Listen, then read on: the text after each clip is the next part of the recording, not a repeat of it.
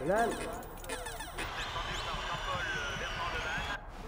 اطفأ النور ونام Modanın bilinç dışı.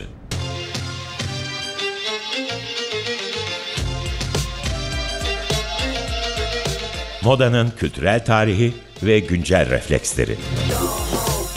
Cause you woke up in the morning with initiative to move, so I make it harder. Hazırlayan ve sunan Özge Kanlı. Time has come to Push the button.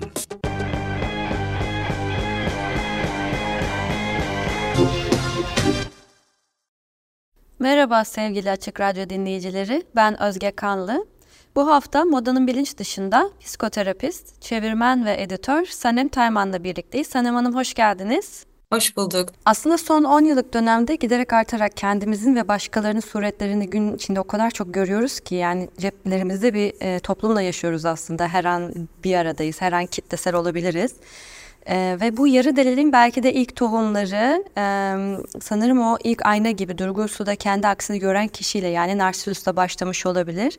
Ve o kiste yani kendimize bakmanın, kendimizi görmenin e, belki e, cezbi, cezbi, o cazibesinden o kadar etkilenmiş olacağız ki bu durum aynanın icadına, kalitesinin artmasına, elektrikli iç mekanların daha aydınlık ve detaylı hatta karanlıkta bile kendimizi daha görmemizi e, daha iyi görmemizi sağlayacak mekanizmaların, aletlerin e, evrilmesine kadar ilerledi.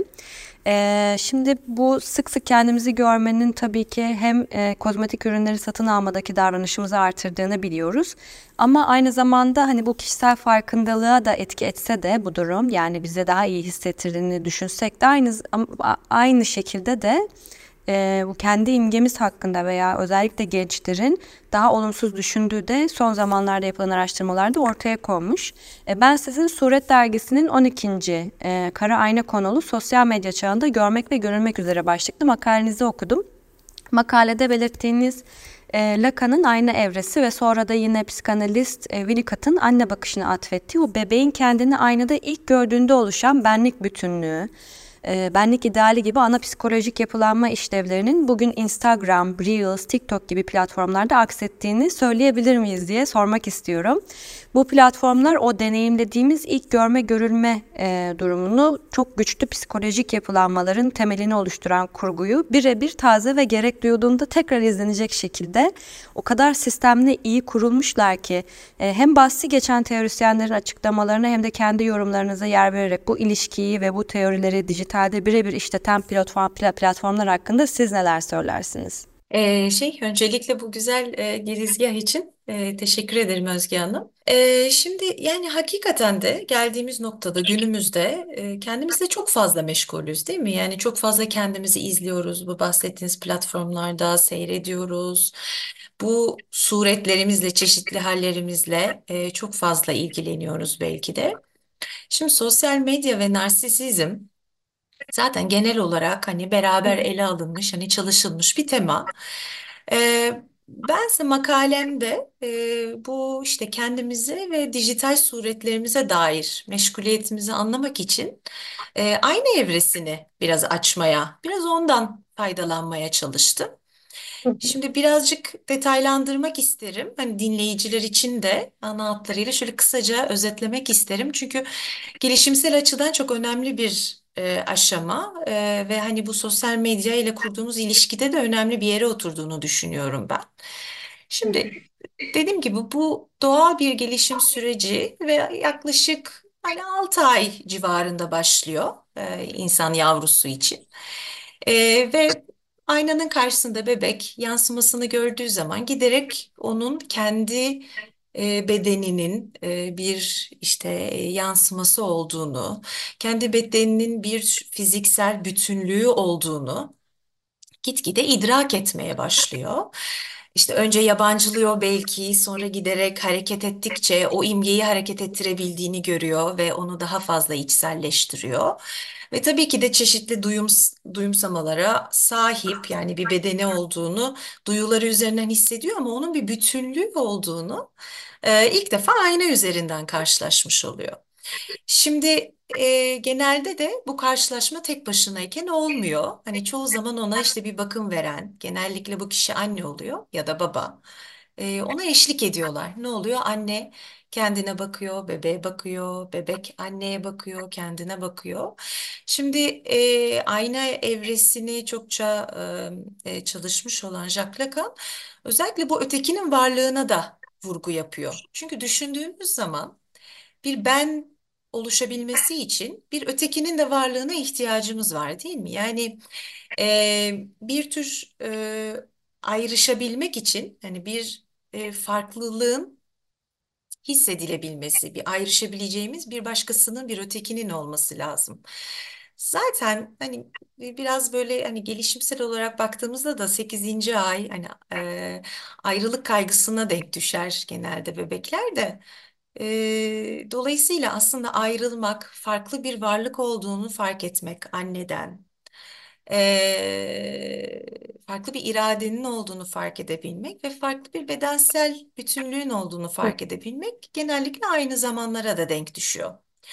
Şimdi eee Lacan'ın bu hani somut ayna üzerinden anlattığı şeyi eee, başka bir kuramcı Winnicott aslında farklı bir noktaya taşıyor ve diyor ki bu ayna belki de somut bir ayna değil de ötekinin ve yani daha doğrusu e, e, bakım verenin, annenin bakışının bir aynası olabilir mi? Çünkü e, bebek annesinin bakışıyla karşılaştığı zaman aslında e, kendisini e, e, görebilmenin başka bir şeklinde yaşıyor. Bu nasıl oluyor? Mesela anne ona baktığı zaman onun içinde bulunduğu ruhsal durumları tanıyor. Ruhsal durumları onaylıyor, değil mi? Mesela aklımıza şöyle bir şey gelebilir. Genelde böyle e, çoğu kişi için de refleks olarak gelişen bir şey. Mesela üzülen, ağlayan bir bebek gördüğümüzde ne yaparız? Biz de hemen böyle dudağımızı bükeriz, ona göre bir ses tonuyla konuşuruz. İşte, aa deriz karnın mı acıktı? Şimdi sana mama getiriyoruz deriz. Şimdi bu aslında ne demek? Onun yaşamakta olduğu ızdırabı tanımak, onaylamak yani orada bir ızdırap var demek. Onu anlamlandırmak mesela açlıkla beraber ve sonra da ona kelimeleri kullanarak geri anlatmak demek. İşte aynalama dediğimiz şey bir anlamda e, böyle bir süreçte ve bunun için o annenin e, şefkatli bakışına da ihtiyaç var. Şimdi günümüze gelelim. Yani konumuza dönersek, hani bütün bunların sosyal medyayla ne ilgisi var diye düşünecek olursak, e, ben şunu öne sürüyorum e, yazımda. Diyorum ki yani bu aynalanma ihtiyacımız aslında sadece bebeklik dönemiyle de sınırlı olan ya da çocukluk dönemiyle sınırlı olan bir şey değil.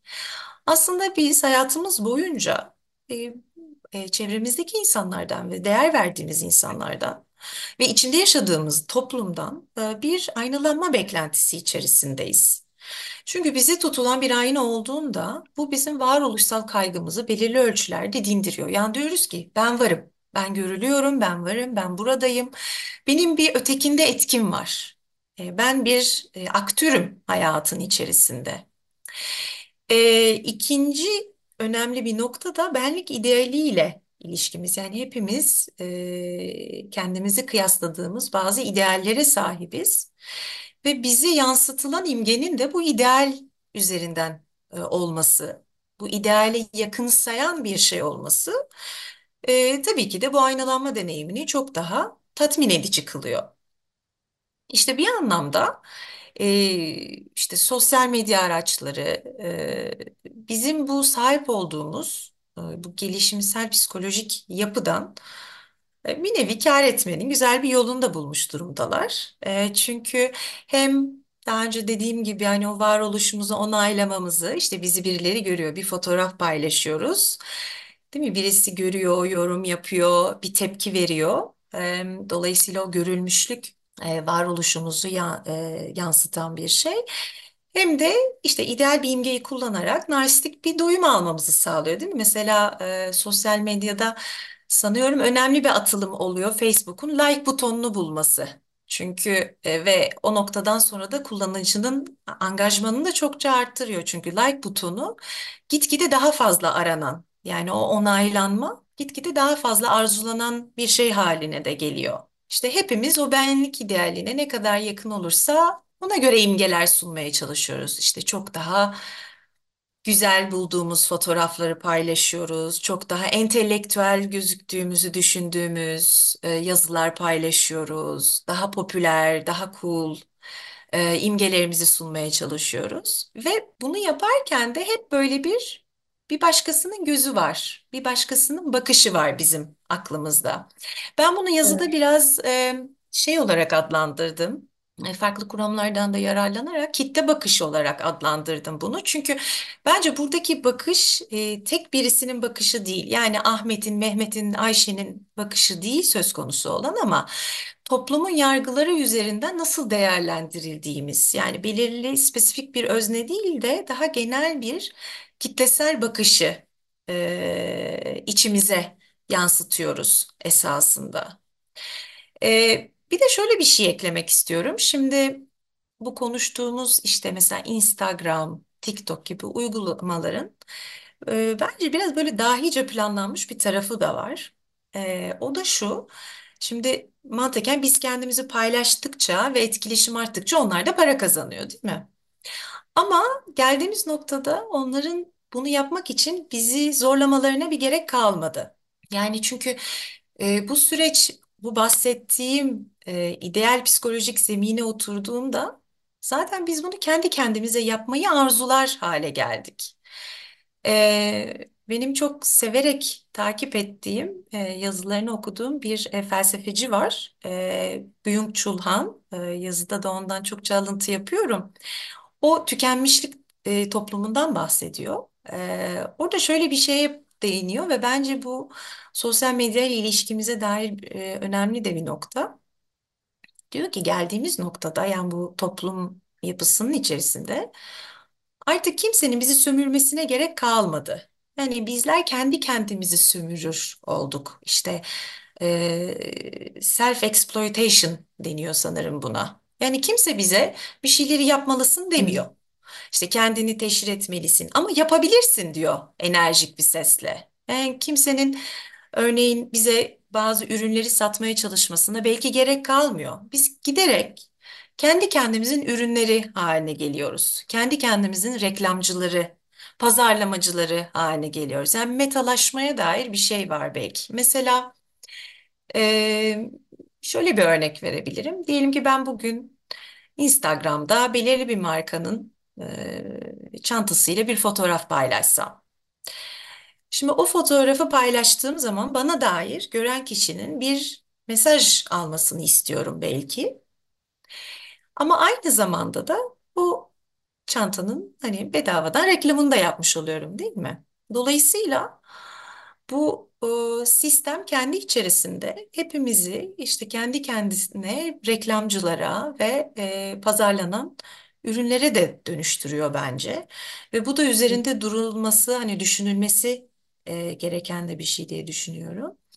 E, bir de son bir şey daha söylemek isterim. E, e, e, makalede de bahsediyorum. E, e, yazar e, Nurdan Gürbilek'in e, Vitrinde Yaşamak diye bir kitabı var. Onun içinde aynı başlıklı denemesinde e, çok güzel bir söz, e, bir şey var, bir, bir cümle var. E, onu e, kısaca okuyayım. Diyor ki orada e, birçok şeyin gösterildiği için ve göründüğü kadarıyla var olduğu sergilendiği için ve seyredildiği kadarıyla değer kazandığı bir toplum çıktı ortaya. Epeydir vitrinde yaşıyoruz hepimiz diyor. Ben bu vitrinde yaşamak e, şeyini çok beğendim kalıbını hakikaten. Tabii o hani 80'ler ikliminden bahsediyor aslında ama e, bence günümüze dair de çok fazla şey bulmak mümkün e, bu cümlenin içinde. Evet öyle gerçekten. Yani 80'lerden bu yana belki bu haliyle görse ne derdi şimdi çok merak ediyorum açıkçası ama çok güzeldi. Çok teşekkür ederim e, değerli yorumlarınız için. E, çok güzel şeylerden bahsettiniz. Şimdi çok fazla uzamasın ve hızlıca sizden daha fazla fikir ve öneri alalım diye hızlıca ikinci soruma geçeceğim.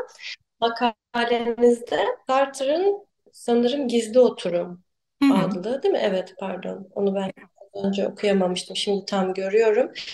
Evet.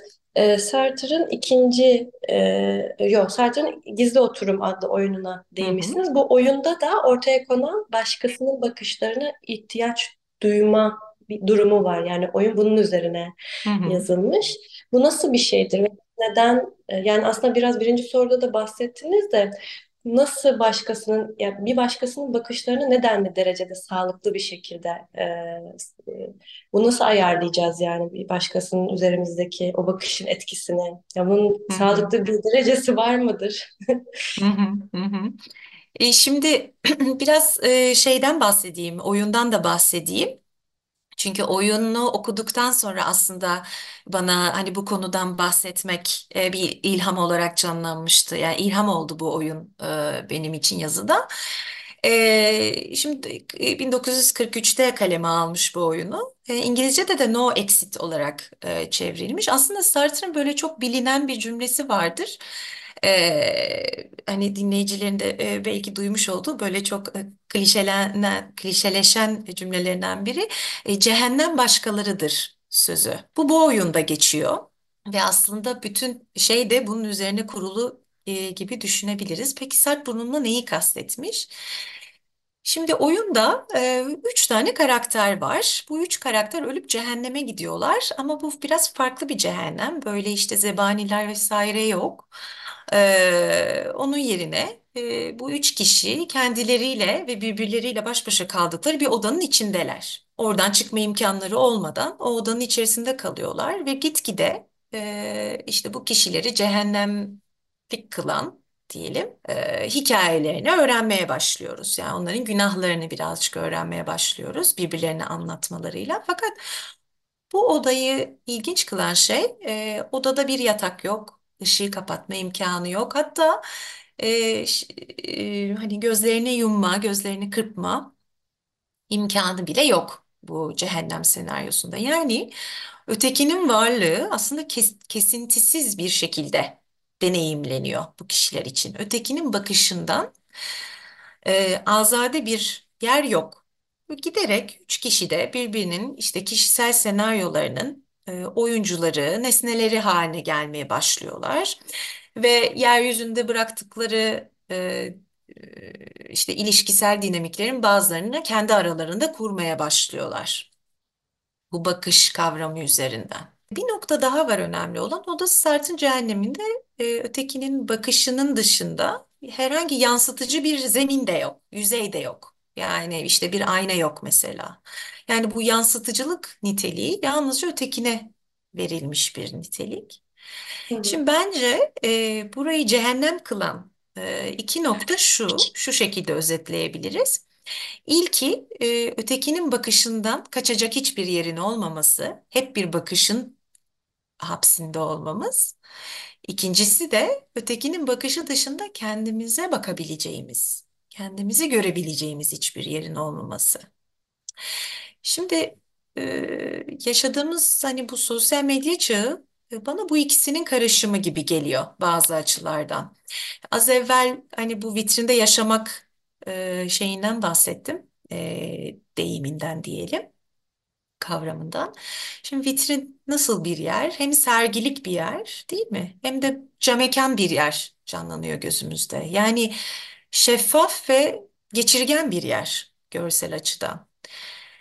E, bu denli şeffaf olmak, e, bu denli şeffaf olma hali aslında insan ruhunun bir anlamda fakirleşmesine de e, sebep oluyor. Çünkü insan ruhu aslında ötekinin bakışından e, işte azade olduğu, e, tek başına kalabildiği, e, böyle daha karanlık, hani siz de o aydınlıktan bahsettiniz, ışıklan, ışıklı hallerden bahsettiniz. E, daha karanlık, daha gizemli yerlere ihtiyaç duyuyor insan ruhu. Hatta e, daha evvel e, alıntı yaptığım e, Byung-Chul Han e, Şeffaflık Toplumu diye başka bir kitabında da şey diyor. Yani insan ruhunun bütünüyle ışıklandırılması bir tür ruhsal tükenişe de yol açıyor. Yani giderek aslında orada tükenişe yönelen e, bir şey var, bir hal var. İşte elimizdeki telefonlarla biz de çokça bence ışıklandırılmış bir haldeyiz. Yani hep görülebiliriz. e, görünürüz, hep ulaşılabiliriz. Ve mesela hani düşünüyorum eskiden telefonu kapamak diye bir mevhum vardı. Hani telefon çeşitli durumlarda kapanırdı. Şimdi sadece uçak moduna alınıyor telefonlar değil mi? Yani devamlı olarak açık olan bir aygıtla dolaşıyoruz biz ve devamlı olarak da ulaşılabilir bir halde e, kalıyoruz. İşte bu durumu şöyle e, düşünmek mümkün bence. Bu aynalanmadan ve işte bakıştan bahsettik. Bu bakışın bir tür zorunluluğa dönüştüğü bir senaryo bu. İşte göz hapsinde olmak mesela değil mi? Neredeyse. Hani e, ilk başta size bu aynı evresinden bahsederken hani nasıl gelişimsel açıdan aslında bizim için çok kıymetli olduğunu, buna ne kadar ihtiyaç duyduğumuzu, işte bir kimlik gelişimi için ne kadar önemli olduğundan bahsettim.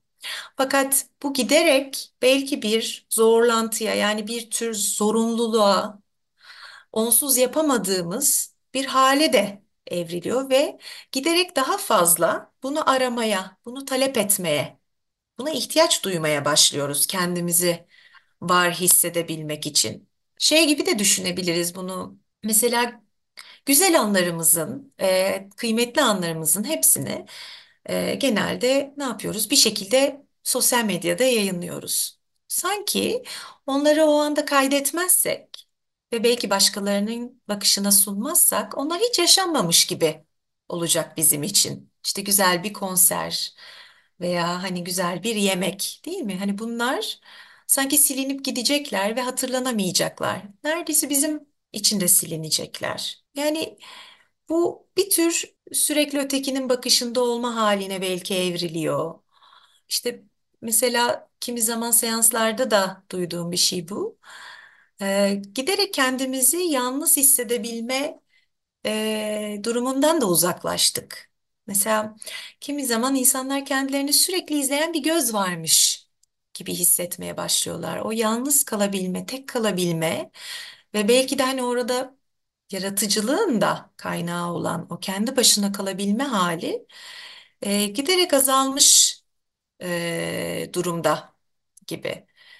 Yani burada bir şey var. Hmm, hassas bir nokta var belki siz dediniz yani nasıl düşünmek lazım. Bence orada hassas bir nokta var ve o hassas nokta kaçtığında da hayat hani belki Sartre'ın dedikleri üzerinden düşünürsek daha cehennemvari bir halde alabiliyor bizim için. Ee, şimdi öncelikle çok teşekkür ederim bahset, e, bağlamlara. Yani çok güzel bağlama oturttunuz her iki soruyu da. Şimdi ben birazcık daha geleceğe belki dönebiliriz diye düşünüyorum. Hani e, çünkü gelecekte neler olacağı belirsiz. Hı Baktığımızda hı. ta o ilk yansımamızdan bugüne kadar yinelenen o selfiler, videolar ve bu geçen sürede kendimizi görmek, başkalarının bizi görme serüveni çok değişti. Yani e, ve bunun da üzerimizde tabii ki bir etkisi var. Fakat e, sonuç ne kadar belirsiz olsa da hani çok böyle patolojilere girmeden belki psikolojik sağlık için, gündelik sağlık için sizin öngörüleriniz var mı? Neler, neler, yani neler olabilir veya nasıl ön, hani psikolojik sağlık için önlemler alınabilir? E, sizin öngörüleriniz naçizane neler neler acaba? Ee, şimdi tabii tek bir öngörüde bulunmak e, kolay değil. E, yani bir sürü şeyi düşünmek mümkün. E, bir yandan da şeyi düşünüyorum. Şimdi bu makalenin e, yayınlandığı e, suretin 12. sayısını hazırlarken işte Kara Ayna konusunu seçtiğimizde e, tabii ki de çokça Black Mirror'dan ilham aldık. E, Black Mirror dizisinden. O da zaten teknolojik gelişimlerin böyle ne gibi sonuçları olabileceğine dair e, böyle distopik öngörülerde bulunan bir dizi. Tam o sırada bizim için pandemi yani pandemi patladı ve biz de kendimizi böyle bir distopyanın içinde bulduk. Ve şeyi de gözlemledik yani hakikaten de teknolojiyi kullanma alışkanlıklarımız derinden etkilendi. Değil mi? O zaman işte sosyal izolasyon, sokağa çıkma yasakları hani bu süreçte sosyal medyanın olmaması ne olurdu acaba? Hani ne kadar aslında belki de iletişim için böyle tutunduğumuz e, bir şey oldu. Şimdi e, bunu iki taraflı düşünebiliriz bu öngörü meselesini. E, bir kişisel boyutta, e, bir de toplumsal boyutta düşünebiliriz. Kişisel boyutta tabii ki de sorumluluklarımız, kendimize yönelik sorumluluklarımız var. Yani e, Ee, artık çok otomatikleşmiş bir şey bizim için bu medya araçlarını kullanımımız. Belki biraz daha bilinçlenmeye yönelik, belki biraz daha farkındalık sahibi olmaya yönelik. Yani bir şeyleri neden paylaşıyoruz? Ne paylaşıyoruz? Ee, işte e, hangi e, beklentilerle paylaşıyoruz ve kendimizle ilgili ne ortaya koymak istiyoruz acaba? Neyi duyurmak istiyoruz da bunu bu araç vasıtasıyla e, kullanıyoruz. Çünkü artık hayatımızın bir parçası. Yani bundan vazgeçmemiz mümkün değil. Ben burada benim amacım burada sosyal medya kötülemesi yapmak değil tabii ki de. E, fakat belki biraz daha bireysel e, boyutta e, bilinçlenmeye de ihtiyaç var.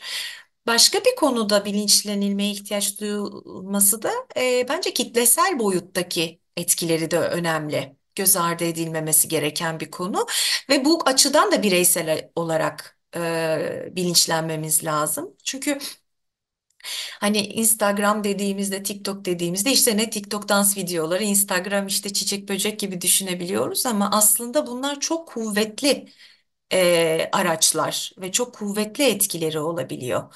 Yani çok kısa mesela ne düşünebiliriz? İşte e, bir e, mesela Cambridge Analytica skandalı var değil mi? Yani oy verenler üzerinde nasıl etkileri olabileceğini görüyoruz bunun ya da mesela ruh sağlığından düşünebilecek olursak işte ergenlik çağındaki gençler için e, hani depresyon artışıyla beraber düşünülen bir kullanım meselesi var. Ya da mesela modadan bahsedelim.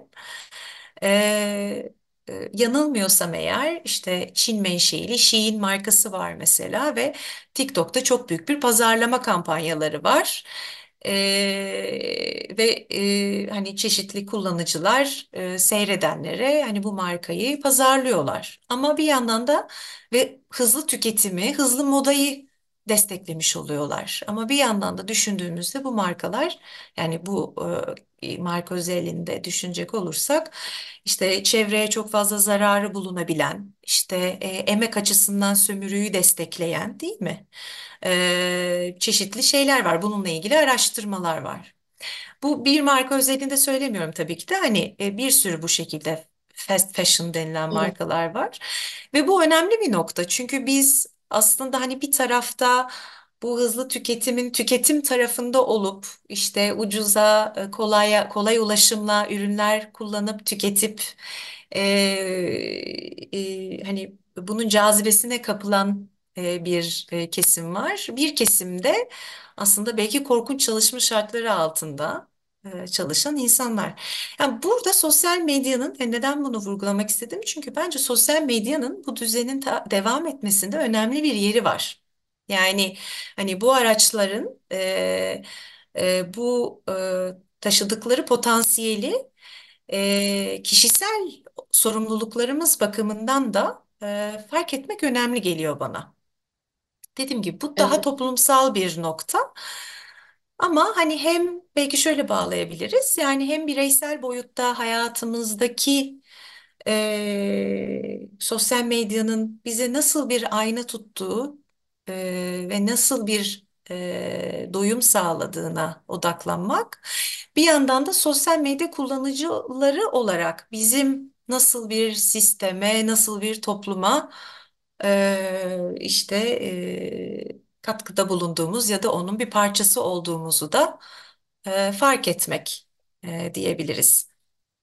Yani benim öngörüm E, şununla ilgili hani bu, bu konularda belki giderek daha fazla bir bilinçlenme de olacak aynı zamanda. Belki daha fazla araştırma yapılacak, daha fazla yazıp çizilecek vesaire. Gerçekten e, öyle çalışmalara da daha fazla ihtiyacımız var gibi düşünüyorum. Ben e, katıldığınız ve zaman ayırdığınız için çok teşekkür ederim. Ben çok teşekkür ederim davetiniz için. Evet, modanın bilinç dışı e, bu haftalık bu kadar. İki hafta sonra tekrar aynı gün ve saatte farklı bir konu ve konukla görüşmek üzere. Şimdiden iyi seneler, hoşça kalın.